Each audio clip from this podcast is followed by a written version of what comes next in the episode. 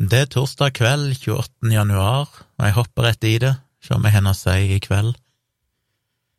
Det har Det skjer ting i ny og ne. I dag har jeg jo vært i eh, TV2, altså på tv2.no, med en sak. De lagde en sak om denne covid-filmen 2020, som jeg jo blogga om. Eh, Så de skrev en liten eh, sak om det, der jeg ble intervjua. Det verste med å bli intervjua i sånne saker, er at jeg har aldri noe skikkelig pressebilde. Så jeg må grave fram et eller annet bedritent bilde, en eller annen selfie jeg har tatt av meg sjøl. Å, det er alltid like flaut. Men jeg skal lenke til saken i shownotes på podkasten hvis ikke dere har sett den. Men det er en sak som heter Kontroversiell norsk covid-film tar av på nett. Dette sier skaperen. Så de prøvde å få tak på han eh, duden som har laga den. Eh, de viser jo til at den som er YouTube- YouTube-brukeren som har lasta den opp, kaller seg jo Viktig viten. Og så har de sjekka litt og funnet ut at viktigviten.no ble registrert av selskapet Filmduken AS den 19. januar 2021. Så det var jo bare Ja, det var dagen før videoen ble lastet opp, så ble det domeneregistrert. Og på viktigviten.no så ligger det jo kun én artikkel, de har bare lagt inn en Wordpress-blogg med én bloggpost, som er den referanselista som jeg har tatt for meg i en bloggpost. Um, selskapet Filmduken AS ble registrert i 2018 i Brønnøysundregisteret, men det har jo ikke egentlig skjedd noe i selskapet, det er bare leie brakk, egentlig. Han som eh, eier det selskapet, heter jo Ingmar Ellefsen, og det visste jeg jo for så vidt. Fordi jeg ble, allerede før jeg blogga, så var det jo ei som tydeligvis kjenner han, som bor i det området han holder til, som sendte meg melding på Twitter, privat på en DM, og bare sa at de var så frustrert over denne filmen som han nå hadde vært med å lage, om jeg kunne skrive om han. Så det var en av mange da som kontakta meg, så jeg visste jo allerede hvem det var, jeg kjenner ikke til fyren, jeg var inne så vidt og så på Facebook-profilen hans. Ja, det minner meg på, jeg må sjekke Facebook-profilen hans igjen. Ingmar Ellefsen for Ja, en BI-dude. Uh, han har tydeligvis vært med på diverse andre ting òg. Laga noen sånne 5G, anti-5G-filmer og, og forskjellige ting. Men ja, så jeg visste jo så hvem jeg var, men jeg valgte jo å ikke nevne det i bloggposten, for jeg tenkte at hvis de ønsker å være anonyme, så får de være anonyme, og jeg visste jo ikke om han direkte hadde vært med å lage filmen heller, selv om han sto som eier av denne her eh, filmduken, som igjen eier dette domenet Viktig viten, men det var jo nærliggende å tro, siden YouTube-kanalen òg heter Viktig viten, eh, og referansene ligger der. Men de prøvde å snakke med han, og han er ikke så villig til å prate med de. Han sier at gruppa, denne gruppa som han kaller Viktig viten, er et initiativ bestående av mange personer, men uh, han vil ikke svare på hvem de er, eller hvor mange de er. Og så sier han at Viktig viten jobber for å få gjort viktig informasjon tilgjengelig og forståelig. Viktig viten tar imot henvendelser fra enkeltmennesker og grupper. Ja, men det han har laga så langt, er jo da en antipandemi-film, video, og noen 5G, anti-5G-videoer, så det er jo ikke De har jo en viss eh, bias i uh, hvilken type filmer de lager, og det er jo ikke så mange. Han skriver at, eller han sier at, eller han skriver, han svarte vel på mail til journalisten, at gruppa han representerer ble bedt om å lage covid-filmen, og at den er laga på frivillig basis. Så sier han videre, mange mennesker uttrykker at de ikke får svar på sentrale spørsmål om covid-19 og lockdown. Dette er bakgrunnen for at Viktig viten takket ja til å lage denne filmen etter å ha mottatt flere henvendelser. Alt arbeid gruppen har utført, har vært basert på frivillighet, skriver Ellefsen. Og det er altså så frustrerende å lese noe sånn. Mange mennesker uttrykker at de ikke får svar på sentrale spørsmål om covid-19 og lockdown. Det er sånn Ja, så hvis de ikke får svar på det, så leier de inn noen, eller så spør de noen om de kan bare dikte opp noen svar. Finne noen høyreekstreme, konspiratoriske nettsider som har de villeste teoriene i verden, som bare er piss ifra ende til annen, og så skal de da plutselig bli brukt som kilder for å si noe om pandemien, fordi disse menneskene Ja, de liker vel ikke det de hører. Det er jo klart de får svar, det er jo ingenting av det som er i denne her videoen som ikke er blitt besvart ti millioner ganger tidligere, men da er det jo blitt besvart med faktisk vitenskapelig eh, fundament, men de liker ikke svarene. De får ikke de svarene de ønsker å ha, og da lager de heller en film der de kan dikte opp de svarene som passer de litt bedre. Og jeg klarer, klarer aldri å formidle helt hvorfor det, det bare does not compute for meg hvordan det går an at det finnes mennesker som ikke er opptatt av at det de sier, er korrekt, at det ikke skal være sant, det de sier. Jeg klarer ikke å forstå om det er mot bedre viten de gjør det, eller om, om de faktisk er så dumme. Jeg, jeg, klarer ikke å forholde meg til det, det og det er det jeg syns er vanskelig. Jeg blir sånn frustrert langt ned i ryggmargen fordi jeg bare ikke klarer å forstå hvordan sånne mennesker fungerer, som ikke er opptatt av å, å prøve å forholde seg til vitenskapelig evidens, prøve å forholde seg til faktisk kunnskap, men det er ikke viktig for dem. De er bare opptatt av å finne det som passer dem av informasjon. Og det er vondt, smertefullt, å forholde seg til. Uh, hva mer var det de skrev her? Ja, filmen er et forsøk på å bringe frem informasjon som forhåpentligvis kan bidra til større klarhet og gi noen svar. Kanskje kan den også sette i gang en konstruktiv debatt, spør Ellefsen. Og det første å si da er jo at de hadde jo stengt kommentarfeltet for videoen fra det øyeblikket de publiserte den, så det er litt sånn ok, dere vil ha debatt, men A, dere stenger kommentarfeltet, og B, dere vil egentlig ikke snakke med journalisten og svare på spørsmål, så denne debatten skal da Det er liksom sånn de bare kaster ut et eller annet, og så håper de at det blir en debatt. Og hvordan kan du ha en konstruktiv debatt hvis du baserer den ene sida av debatten på rent søppel? Heldigvis så tror jeg jo ikke, selv om denne videoen er blitt sett av hva er det, 70 000-80 000 mennesker, eller noe sånt, kanskje mer nå, så innbiller jeg meg at han egentlig ikke har fått noe særlig traction. Altså, det er mange som har sett han av kuriositet, men jeg har jo ikke noe inntrykk av at han egentlig har hatt noen som helst effekt, annet enn i de eksisterende konspiratoriske miljøene.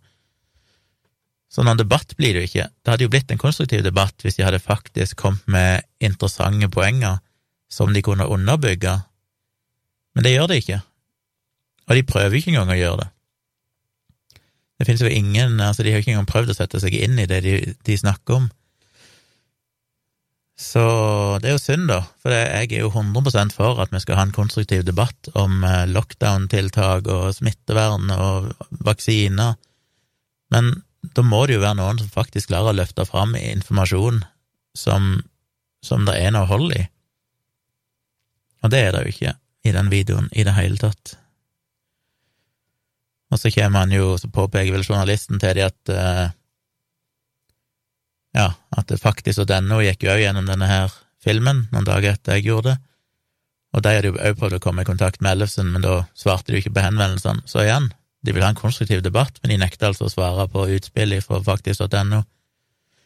Og til TV 2 skriver Ellefsen at faktasjekkerne heller ikke kommer til å få noe svar. Viktig viten har lagt ut referanser til informasjonen som presenteres i filmen, slik at folk selv kan lete opp kildene, lese informasjonen og selv ta stilling til innholdet.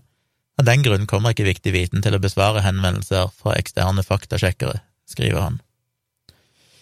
Så ja, so much for en konstruktiv debatt. De har altså lagt ut ei liste med referanser som jeg har gjennomgått, og finner at det er søppel ifra ende til annen det er én eller to ting de faktisk sier noe som er sant om, og resten er jo bare tull og ren løgn.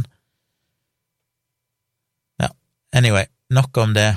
Det var bare frustrerende, men hyggelig at eh, TV 2 spurte meg, selv om det var et eh, selv om det er et grusomt bilde.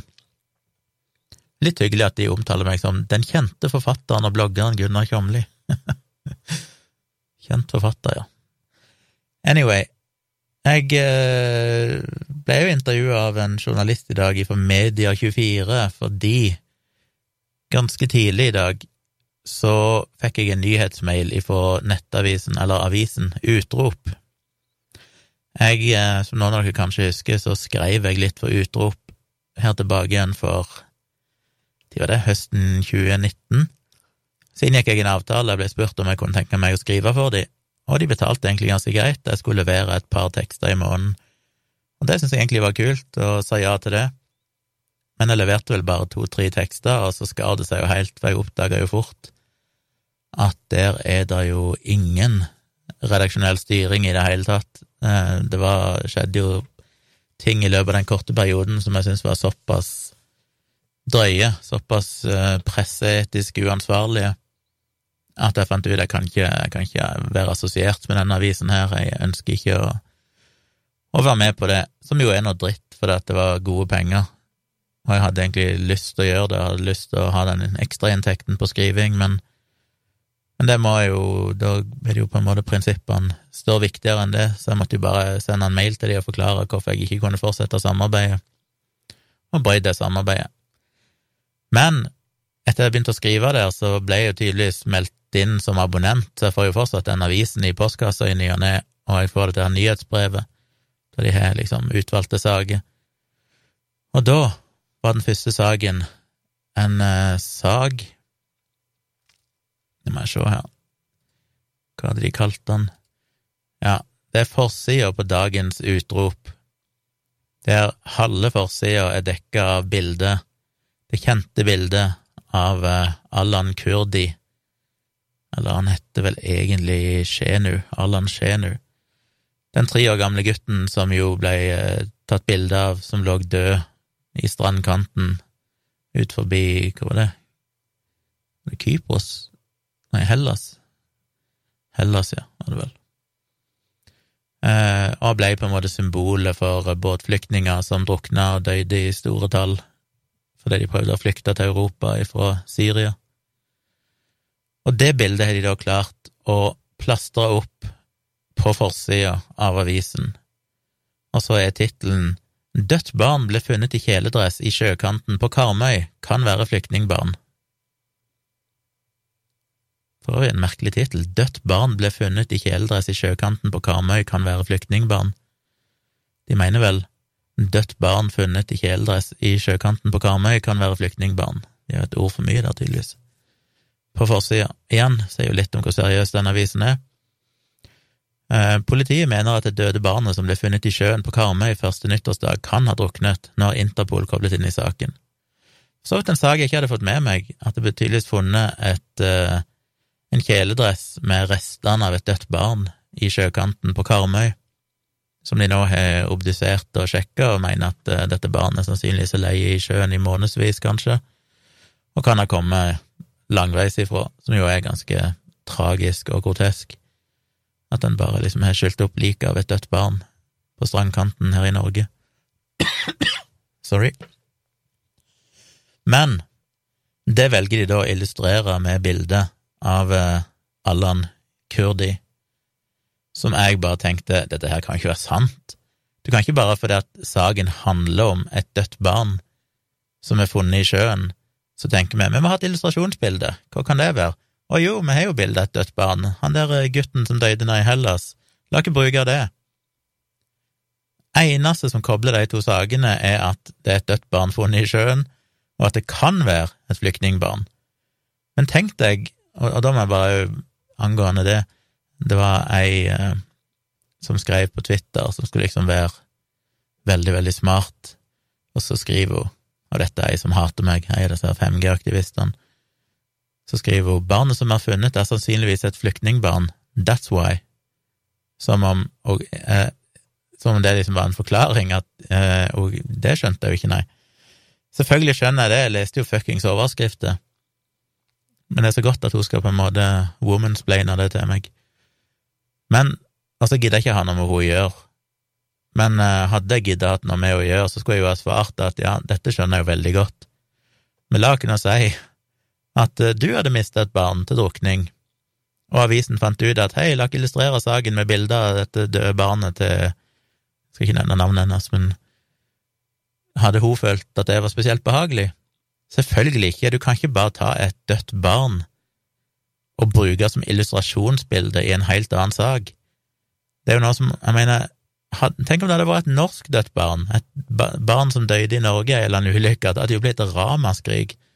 Merkelig nok så er det ikke så mye eh, reaksjoner på det her i Norge fordi det er et flyktningbarn, det er noen som på en måte virker litt fremmed for oss. Jeg har jo riktignok fått mye respons på den tweeten, og mange som er blitt forbanna, men, men det, er, det er veldig, veldig drøyt.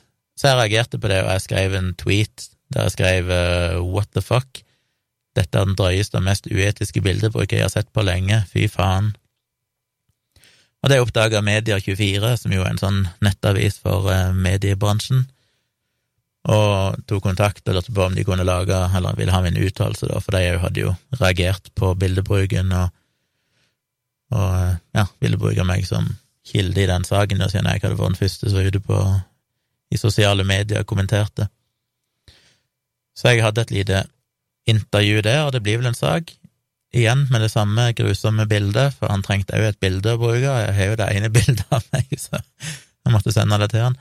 Jeg ser at den saken ikke kommet ut ennå. Jeg tror det er fordi at de venter på venter på svaret fra han redaktøren i Utrop, for han er jo rett på tilsvar innen ei viss tid. Hvis han venter for lenge, så får han ikke retten til det, men um, Men jeg tror det er det som forsinker det. Så det kommer kanskje, det som det kommer i kveld, eller om det dukker opp i morgen. Men det blir iallfall en sak der òg.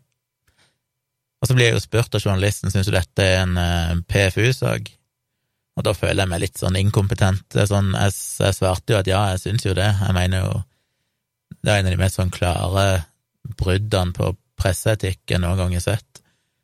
Uh, det var vel en som påpekte her at det er sannsynligvis brudd på Vær varsom-plakatens punkt 4.10, som heter Vær varsom med bruk av bilder i annen sammenheng enn den opprinnelige.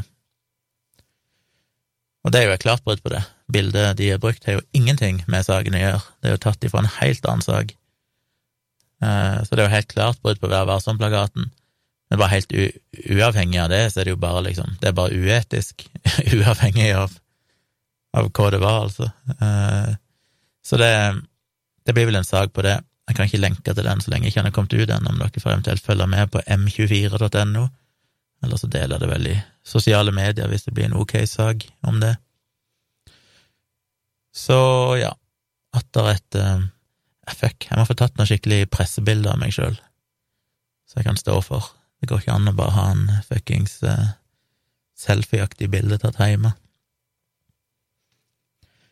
Men jeg har jo blogga litt i det siste, som dere vel har fått med dere, regner jeg med, til en viss grad. Jeg eh, blogga litt i natt òg. Da tok jeg for meg et videotips jeg fikk, der eh, ei som heter Polly Tommy, fant jeg ut til slutt. Det sto ikke i videoen, men etter å ha googla litt, så klarte jeg å nøste opp at det var hun som eh, var intervjueren i videoen. Hun intervjuer da en eh, bioingeniør som heter Brian Hooker, dr. Brian Hooker og der snakker de om koronavaksinen fra AstraZeneca. Og det er jo et eh, Det er sånn, hvorfor skal jeg gidde å skrive en bloggpost om det? Det er jo bare fordi at enhver sånn video, selv om det er sikkert omtrent ingen i Norge som har sett den, selv om det er tydeligvis noen som har sett den siden jeg ble tipsa om den, men han hadde ikke mange views, han hadde et par tusen views.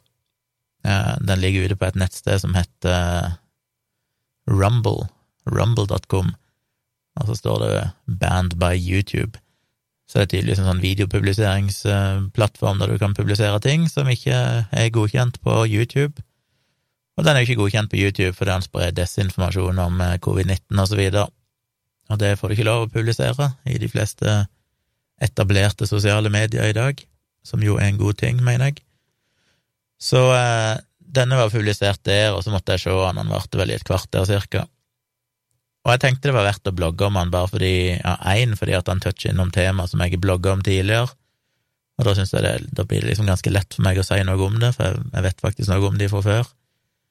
Og to, jeg synes jo det er viktig å tale imot den type desinformasjon, for selv om, selv om kanskje ikke så mange har sett den videoen, og bloggposten min ikke nødvendigvis blir veldig relevant som eh, motargument hvis noen skulle dele den videoen et sted, så er jo på, poengene han kommer med, er jo noe vi kan lære av, og som jeg liker å lære av. Jeg liker jo å sette meg inn i det og lære mer om det og, dele med andre gjennom bloggen min. Så jeg syns det var verdt å bruke litt tid å skrive om det.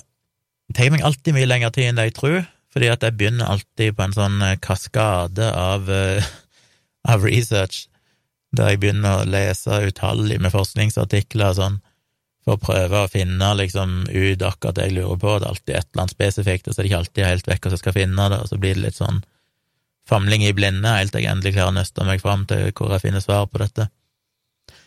Eh, for jeg måtte finne en del svar på måten denne AstraZeneca-vaksinen virker. Men innledningsvis i videoen så er det jo hun der eh, Polly Tommy, som jo er en kjent vaksinemotstander.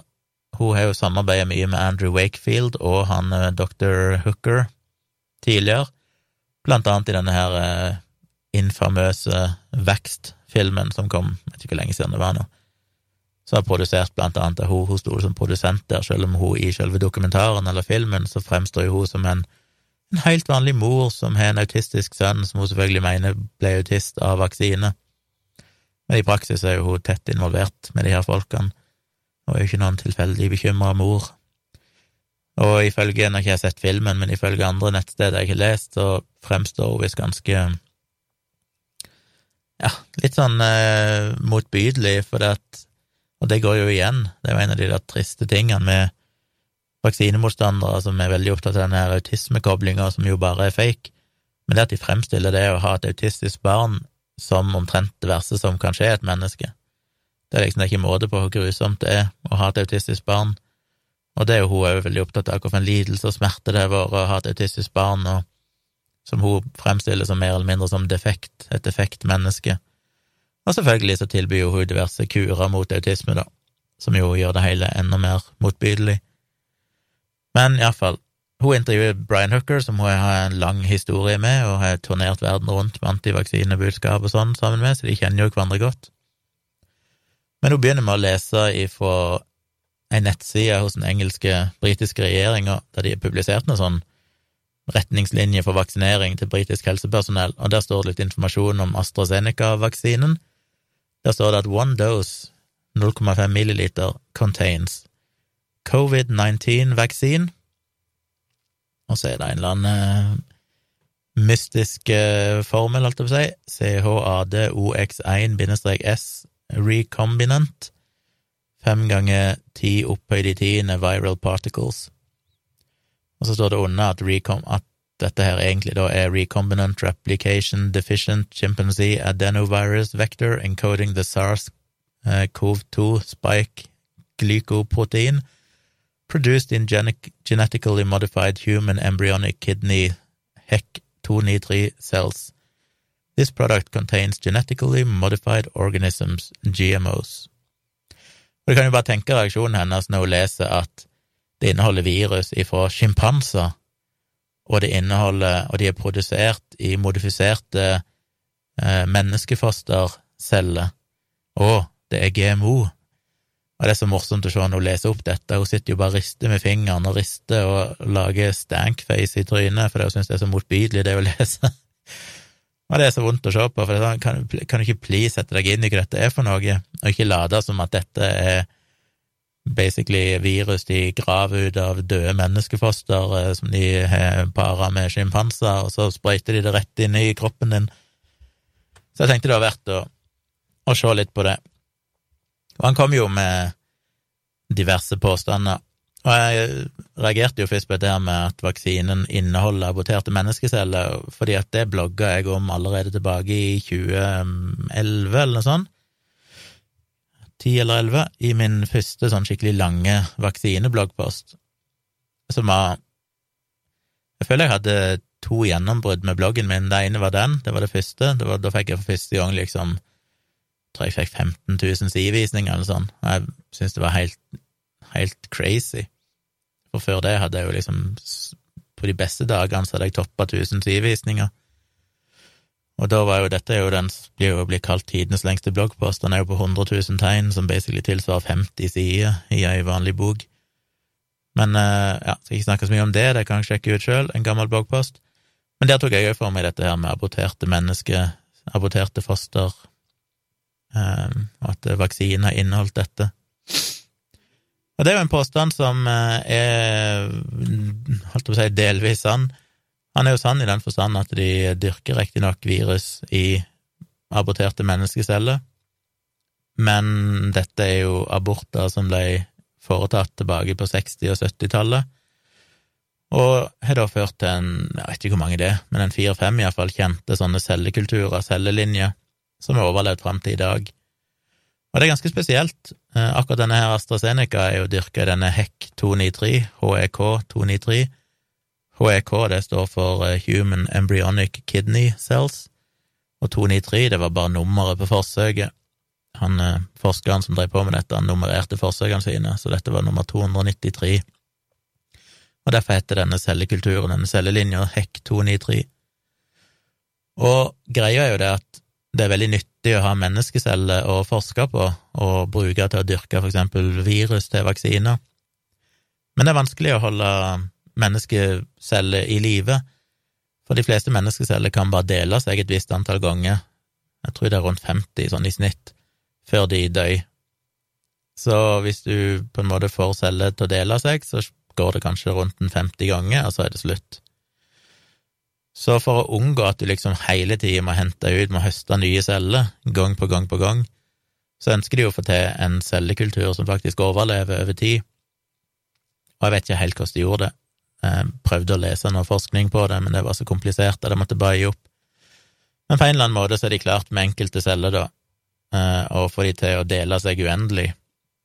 Og grunnen til at de bruker alle disse her cellekulturene, er jo henta ifra aborterte foster og det er fordi at en ønsker å ha så unge celler som mulig, for eldre celler er vel tydeligvis så vanskeligere å få til å, å ha den eh, egenskapen. Så denne HEC 293 er jo henta da fordi en antar er en abort som er skjedd for å redde mora sitt liv, eller av medisinske årsaker, fordi at abort var ikke lovlig på den tida, så det var neppe en frivillig abort. Og det var jo ikke, ingen av de abortene er jo utført fordi de skulle bruke fostercellene i forskning, det er jo aborter som er blitt eh, gjort på helt andre grunnlag, men så har de av en eller annen grunn da hatt tilgang til å, å hente ut Kanskje de donerte eh, fosteret til medisinsk forskning etterpå, et eller annet sånt. Så det høres jo grusomt ut, men eh, som jeg sier, skriver i bloggposten, det er jo vanskelig å si at de cellene som nå har delt seg sikkert millioner på millioner av ganger fram til i dag, eh, og eksisterer den dag i dag, liksom 50 år seinere, det er vanskelig å si at det er menneskelig noe mer enn for eksempel flass ifra huden din, eller hår som du mister ifra hodet ditt, altså det er fucking celler. Det inneholder jo ikke noe menneskelig DNA i sin helhet eller noen ting. Så det høres grotesk ut, men i praksis så er det jo ikke egentlig spesielt grotesk. Til og med den katolske kirka har jo godkjent bruk av disse cellekulturene så lenge det ikke finnes alternativer, så lenge det kan redde liv og er viktig og sånn i medisinsk sammenheng. Og det er jo ikke noe spesielt for denne AstraZeneca-vaksinen, dette er jo blitt gjort i flere tiår. De har jo ja, de fleste vaksinene vi har, blir jo dyrka i disse cellekulturene. Vaksiner mot røde hunder, meslinger, hepatitt A, rabies, vannkopper. Eh, I tillegg til medisiner mot blødersykdom, revmatisk artritt, cystisk fibrose osv. Og, så og en, enkelte sånne uh, antibody therapy, skal det hete på norsk? Antistoff? Nei, anti... Ikke antimaterie, det vært litt brutalt. Men iallfall, mulig det heter bare genterapi. Nei, det er jo ikke genterapi, det er vel noe annet. Men det blir iallfall også brukt i genterapi og sånn antibody treatments, blant annet dette her legemiddelet som heter Regeneron, som er blitt brukt mot covid-19, og som Donald Trump blant annet fikk når han ble smitta og ble sjuk. Så det er ikke bare vaksiner, det er jo diverse legemidler. Så dette er jo ja, Hvis en ser på summen av de vaksinene, så snakker vi om at dette har redda sannsynligvis millioner, kanskje hundrevis av millioner menneskeliv i løpet av de 50 årene, folk som ikke har dødd av meslinger og alle de andre sykdommene som disse vaksinene beskytter imot. Så ja, til og med den katolske kirka har innsett at uh, gevinsten her er såpass stor at det er vanskelig å ha, ta et etisk standpunkt mot å bruke medisiner eller vaksiner som er dyrka i disse cellekulturene. Nå er riktignok Moderna og Pfizer-vaksinen er ikke dyrka i de cellekulturene, fordi de dyrker ikke noe virus der, for der er det jo bare syntetisk mRNA som blir sprøyta inn, som jo er det nye og spennende med de vaksinene. Men eh, i løpet av uh, utvikling av de vaksinene og i testinga, så har de dyrka i disse cellekulturene. Så de vaksinene du faktisk får nå, har ikke vært i nærkontakt med de cellekulturene, men tidligere i prosessen, mens de drev og utvikla de, så har de cellekulturene vært involvert, så de er på en måte ikke helt fri, de heller. Men uh, denne Brian Hooker han hevder jo mer eller mindre at det er levende menneskeceller omtrent i vaksinene som blir sprøyta inn. Han er litt sånn tvetydig, for det hun som intervjuer han, vil vel nesten ha det til å høre sånn ut.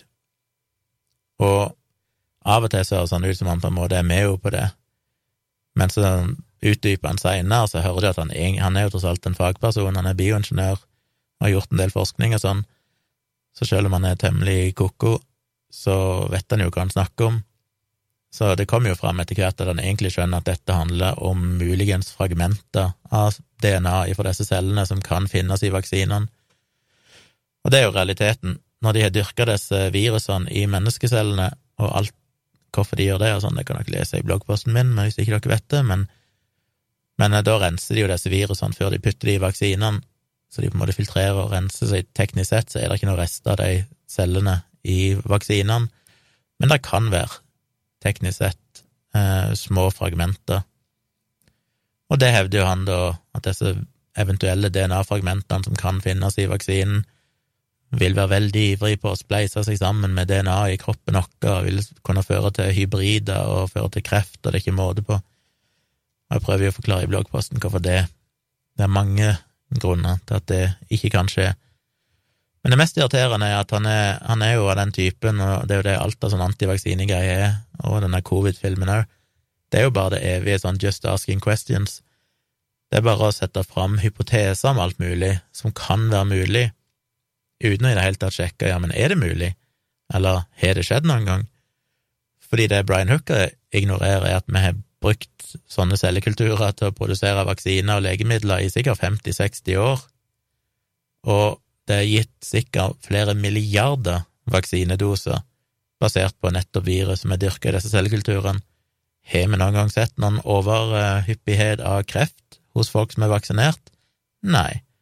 Har vi sett noen alvorlige bivirkninger som kan knyttes til DNA-fragmenter i vaksinene? Nei. Og det er liksom sånn, hvis du har 50 år basically med praktisk bruk på milliarder av mennesker, og du ikke har sett noe, så er det veldig merkelig å komme og si at å, men disse covid-19-vaksinene, eller spesielt den AstraZeneca-vaksinen, den er nok farlig fordi den er dyrka i Fuck you, Brian Hucker. Det er så Igjen, da, så er det sånn han må jo snakke mot bedre viten, for han, han, kan jo dette, han er jo fagperson. Hva som driver et menneske til å bare kaste alt av uh, Alt av uh, Hva heter det? Ære. Uh, seriøsitet. Det er et ord jeg leter etter. Anyway, på dynga, bare fordi du er funnet ut at du kan være populær i et antivaksinemiljø. Det er altså så frustrerende. For han må jo vite at dette her ikke er sant, det han sier, men han gjør det altså likevel. Så jeg skriver en del mer om det i bloggposten, men jeg synes det er interessant fordi det er gøy å forklare hvordan de her virus, disse vaksinene fungerer. Um, jeg synes det er spennende, jeg gjorde jo det i en bloggpost tidligere i høst òg, der gikk jeg jo gjennom de forskjellige typer koronavaksiner, men denne gangen gikk jeg litt mer i detalj angående de adenovirus- eller virusvektorvaksinene som AstraZeneca-vaksinen er og fortelle litt mer om hvordan de fungerer, og hvorfor de bruker sjimpansevirus og sånne ting. Fordeler og ulemper. Og så er han jo selvfølgelig gjennom dette med VAERS-databasen, altså denne databasen over bivirkninger etter vaksinering i USA, der en går inn og bare henter ut tall og påstår at det er vaksinebivirkninger. Som jeg òg forklarer jo igjen, som jeg òg skrev egne bloggposter om og laga video om, hvorfor det ikke er sånn det fungerer. Men det mest interessante er jo, og det snakka jeg litt om i livestreamen min her inne i kvelden, men han sier at han var inne og kikka i Variers-databasen, og der fant han at det var rundt 7000 bivirkninger, inklusiv 66 dødsfall, og et par tusen anafylik... Anaf, jeg husker, jeg sier alltid det ordet feil. Anafylaktiske sjokk, altså allergiske reaksjoner. Og for det første er vel, er vel eh, de anafylaktiske sjokkene ser vi jo at det er en overhyppighet av i de covid-19-vaksinene, men det er normalt helt ufarlig og sånn, så det blir ikke regna som noe grunn til å ikke ta vaksinen. Eh, men det er et eksempel på at denne VAERS-databasen virker, da, at du faktisk pløyer gjennom de dataene, og så ser du at oi, her er det faktisk noe som skjer litt hyppigere enn det vi hadde forventa, og så kan du gå inn og, og, studere det nærmere. Så det er de jo vært åpne med, at det, det ser ut til at det er overhyppighet av anafylaktiske sjokk. Men igjen, det er ikke farlig. Men så er det disse 66 dødsfallene, og det blir jo som i Norge med disse påståtte 23 dødsfallene hos gamle på sykehjem etter vaksinen, som de nå har gått inn og granska, og har konkludert med at de neppe ser at det er noen sannsynlig sammenheng med, direkte med vaksinen. Men om det så var det, la ikke si at disse covid-19-vaksinene i USA hadde ført til 66 dødsfall, at 66 mennesker døde direkte som en konsekvens av at vaksinen var farlig og drepte de. Hva betyr det egentlig? Det høres jo helt forferdelig skremmende ut, og hvis det var tilfellet, så ville jo ironisk nok vaksinen bli stoppa, for det er sånn vi fungerer. Men tenk det litt om nå. I bloggposten så skriver jeg at det er vaksinert rundt 10 millioner mennesker. I realiteten var det en undervurdering, jeg tror nå det er vaksinert rundt 20 millioner mennesker. Men la ikke si denne videoen, dette intervjuet ble gjort for noen dager siden, jeg er ikke sikker, så 10 millioner er et konservativt tall på antall vaksinerte mennesker i USA. De fleste av de er jo gamle, for de begynte jo med gamle. Eh, Mest sannsynlig, hvis det er noen som er døyd etter koronavaksinen, så er de jo òg gamle og veldig skrøpelige, sånn som i Norge, hvis det er en sammenheng, og hvis ikke, så er det uansett sannsynligvis gamle, for dette er de som er blitt vaksinert først. Så la ikke si det har vært 66 dødsfall på 10 millioner vaksinerte. Hva betyr det egentlig statistisk? Jo, det betyr at det er 0,0066% sjanse for å dø ifra covid-19-vaksiner. Og jeg er ganske sikker på at hadde det blitt slått fast at 66 mennesker hadde dødd av vaksinene, så hadde ingen villet tatt de vaksinene når de hadde blitt stoppa. Men hva er egentlig realiteten her, hva er risikoanalysen?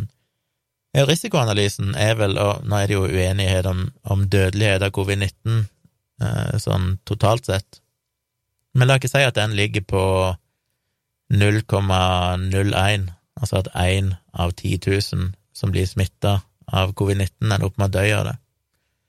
Da er fortsatt denne vaksinen ja, kanskje 100 ganger tryggere å få enn risikoen for å få covid-19. Men det er mer interessant å se på gamle folk, for det er sannsynligvis de som har dødd, og det er stort sett de som er, eller først og fremst de som er vaksinert. Eh, så hva er dødeligheten der? Vel, der opererer en jo med en dødelighet på ja, det er variert fra 1 til 10 prosent, men mange sier vel at det kan ligge på en 3-4 prosent dødelighet. Og da snakker vi om at dødeligheten fra covid-19 i den gruppa som det er mest sannsynlig det er snakk om her, er kanskje 10 000 til 100 ganger større enn risikoen for å dø av vaksinen, hvis de 66 menneskene faktisk hadde dødd av vaksinen. Og det er jo det som er så paradoksalt i dette her, det er jo det som er så vanskelig å forstå for folk, denne risikoanalysen. Fordi det er vanskelig å høre at 66 mennesker er daua av vaksinen uten at du tenker at shit, denne vaksinen vil ikke jeg ta. Men det er dette her falske nullpunktet som jeg alltid snakker om, at da må du jo se hva er risikoen på andre sida. Hva er risikoen ved å ta et valg om at du ikke vil vaksinere deg? For da velger du en annen risiko. Det er ikke sånn at du velger null risiko, nei, du velger en annen risiko. Og hvor stor er den? Og i dette tilfellet så er den da hundrevis, sannsynligvis tusenvis ganger større fordi vi har statistikk på hva dødeligheten er, spesielt i de eldre aldersgruppene.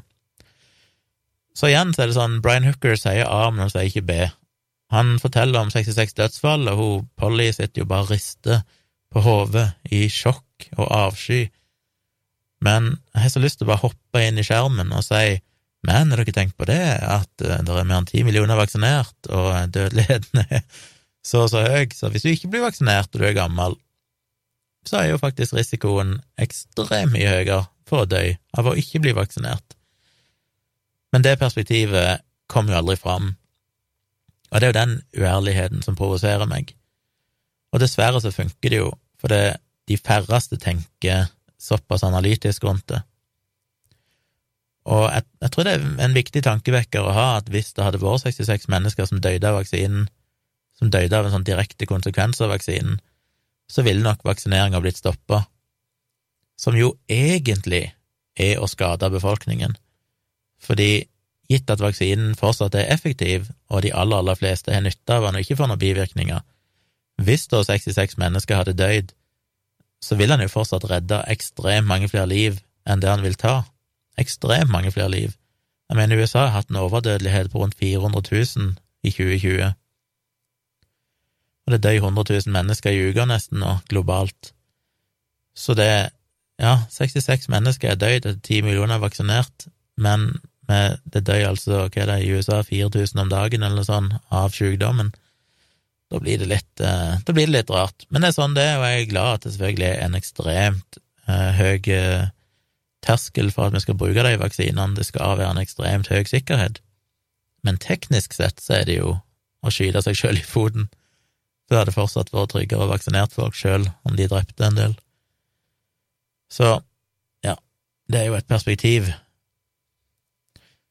Um, ja, så sier han vel litt på slutten òg om at vaksinene er for raskt utvikla og bla, bla, bla. Det har jeg jo gjort en risikoanalyse på tidligere, og skriver litt om det i bloggposten. Så ta gjerne en eh, kikk på den. Jeg blir jo selvfølgelig glad hvis dere vil dele bloggposten og det jeg skriver. Um, en siste ting jeg ville snakke om helt på tampen, er jo at jeg har jo levd et uh, litt uh, godt liv de siste par årene ettersom jeg ikke har blogga så mye. Og det har jo vært ganske rolig og behagelig, men umiddelbart når jeg begynner å blogge igjen og får litt oppmerksomhet, så kommer det jo mye piss. Det kommer ganske mye utrivelige meldinger, jeg får tilsendt screenshots av eh, mye dritt som blir skrevet og sånn, og hvis jeg skriver en tweet, så kommer det jo både høyreekstreme og konspirasjonsteoretikere og vaksinemotstandere inn og skal liksom slenge dritt. Til og med på Instagram så var det en som hadde vært inne og skrevet Ikke så ofte det er folk på Instagram som engasjerer seg, jeg fikk ikke så veldig mange følgere på Instagram, men men det var en der òg som begynte å komme noen påstander, og det var Og på YouTube så er det kommet noen påstander. Og det er når de begynner å skrive sånne ting som at uh, at jeg sitter Hva var det ene skrev? Han prøvde å si at jeg satt med sugerøret langt ned i kassa til en eller annen stor eh, statlig eid avis. Det var sånn, hæ? Hva i all verden er det du snakker om? Hvorfor en statlig eid avis? Det eneste er i så fall nrk.no. Uh, men hva har jeg med det å gjøre? Jeg har jo ikke noen samarbeid eller noen assosiasjon, tilknytning, til noen andre. Jeg blogger kun for meg sjøl. Det er ingen som betaler meg. Jeg mener, de beskyldningene om at jeg får millioner av legemiddelindustrien og sånn, de dukker jo opp fortsatt. Nå nylig så så jeg jo noen hadde skrevet det igjen i flere sånne tråder inne på Facebook. Men det er liksom sånn, ja ja, jævla idioter, hvis jeg er så dum. Når det kommer enda mer sånn spesifikke, som at insinuasjoner om at jeg insinuasjoner, insinueringer, insinueringer om at jeg eh, av en eller annen grunn er assosiert til Det er bare sånn Poenget mitt er hvorfor skal jeg måtte høre på det? Det Jeg har jo nå vært ganske aktiv med blogging i en 15 års tid, og jeg har hatt en usedvanlig høy terskel for å blokkere noen. Jeg har mottatt både indirekte trusler ting som er ganske ubehagelige. Eh, masse injurierende trakassering, hets. Og jeg har ikke blokkert folk, fordi jeg Jeg vet ikke. Det bare sitter langt i meg, langt inne i meg, og gjør det. Det har skjedd en og annen gang at jeg har blokkert noen hvis det har gått veldig, veldig langt. Da er det mest på grunn av støy, at det er noen som bare ikke gir seg og er bare totalt usaklig og sånn. Jeg bare tenker det her gidder jeg faktisk ikke. Men det er veldig, veldig sjelden. Men så tenker jeg, jeg det er såpass ubehagelig å måtte forholde seg til den type mennesker. Jeg er jo mer enn villig til å ta i kritikk, og hvis noen er kritiske og saklige, så er de mer enn velkommen til å skrive, jeg ville aldri ha sletta eller blokkert det. Men de der folkene som bare er ute etter å komme med løgner, og som lever i en eller annen parallell virkelighet der de bare dikter opp hvordan ting henger sammen, og involverer meg på måter som er bare totalt usant. Skal jeg virkelig måtte forholde meg til det? Så i dag blokkerte jeg en fyr på Instagram, og det paradoksale er at da sitter jeg resten av kvelden og tenker på det og føler meg fæl, og det er sånn åh, var det egentlig rett? Som er helt absurd. Hvorfor skal jeg gå rundt og føle meg fæl? Jeg har ikke gjort noe galt. Det er jo de der fuckings ko-ko-folkene som lider av et eller annet alvorlig, som bare ikke har noen problemer med å gå ut og, og skrive dritt om andre, og de har absolutt ingen hjerneceller å bidra med i dette universet. Allikevel så skal jeg gå rundt og føle på en form for respekt for dem, at jeg må liksom respektere deres meninger og la dem få lov å uttale seg. Nei, jeg kan ikke det lenger. Så jeg tror rett og slett jeg, jeg nå må prøve å senke terskelen for når jeg skal blokkere folk, og bare si at det fører ingenting godt med seg at disse folkene får lov å uttale seg. Og en kom jo ganske langt med å ignorere ting òg. De der folkene på Twitter, de der 5G-aktivistene, antivaksine, som jeg heldigvis stort sett ikke ser, for Twitter har et ganske bra filter. Du kan jo aktivere et sånn kvalitetsfilter på Twitter inne på profilen din, som ikke blokkerer ingen, og de kan poste og gjøre akkurat hva de vil, og alle andre kan se tweetene deres, men jeg de blir på en måte ikke vist for meg, med mindre jeg aktivt klikker meg inn på tweeten og liksom graver meg inn i, i svarene og prøver å finne dem. Så det som dukker opp i feeden min, er på en måte bare svar fra stort sett fornuftige folk. Selvfølgelig er det en og annen ko-ko-fyr som Twitter ikke plukker opp ennå, men, men det fungerer veldig bra. Så jeg blir jo av og til sjokkert når jeg går inn og ser på en tweet, og så ser jeg at det er kanskje for eksempel 20 svar, og så tenker jeg hæ, 20 svar, jeg har jo bare sett tre av de. Og så klikker jeg meg inn, og så begynner jeg å se, og så å oh shit, her er det jo mye skrotingfolk som har vært og, og kommet med sine talentløse, idiotiske meninger. Um, så heldigvis slipper jeg å se så mye til det. Og jeg har jo vært frista til å komme med noen svar når jeg ser det, jeg får lyst til å korrigere det, sier du, dette er jo ikke sant, og sånn, men så tenker jeg nei, det er alltid bedre for, uh, for blodtrykket å ikke gjøre det, for i det øyeblikket du svarer, så har du på en måte vist at du har sett det, og at du er villig til å delta i en debatt, og du har på en måte legitimert deres utspill på et vis. Og da kan det jo, for det første kan jo da debatten gå, og det kommer jo aldri til å lede fram til noen ting, for dette er jo folk som lever i en parallell virkelighet. Pluss at du da bidrar til å booste synligheten for deres idiotiske skriverier som stort sett ingen ser ellers, for det er Twitter ganske flinke til å nedprioritere sånne skrotinger. Men ja, det var bare et lite hjertesukk. Jeg er bare lei av at jeg skal måtte få jeg, Ja, jeg er bare lei av at jeg måtte, skal måtte forholde meg til til det pisset, at jeg på en måte skal leve etter en sånn standard at alle skal få lov å uttale seg, og jeg må tåle alt. For det er sånn, nei, jeg tror ikke det bidrar til noen ting positivt, og jeg er ganske lei etter så mange år. Så tenker jeg at nå ønsker jeg faktisk å kunne skrive ting og uttale meg, og så skal gjerne folk få diskutere det og være uenige, men de som bare er ute etter å slenge dritt, eller kommer med noen helt usammenhengende argumenter som er basert på noen konspirasjonsteorier, som er bare sånn, det er ikke en vits å diskutere engang. Dette er en person som som sagt lever i en parallell virkelighetsforståelse, så så jeg skal prøve å bli flinkere til å blokkere og bare si at du er uønska her. Og jeg tror kanskje det er den beste måten, da får de til å holde kjeft òg. Fordi da har de liksom ingenting å komme med lenger, og da får de gå en annen plass og, og spre dritten sin, for jeg er ikke interessert i å ha de i mine kommentarfelt. Det var vel en episode, da. Det ble jo plutselig en, en, en solid episode, selv om jeg var usikker på om jeg hadde noe å si. Jeg eh, ja, jeg vet ikke hva jeg skal si helt til slutt. Jeg får bare si at uh, takk for at dere hørte på.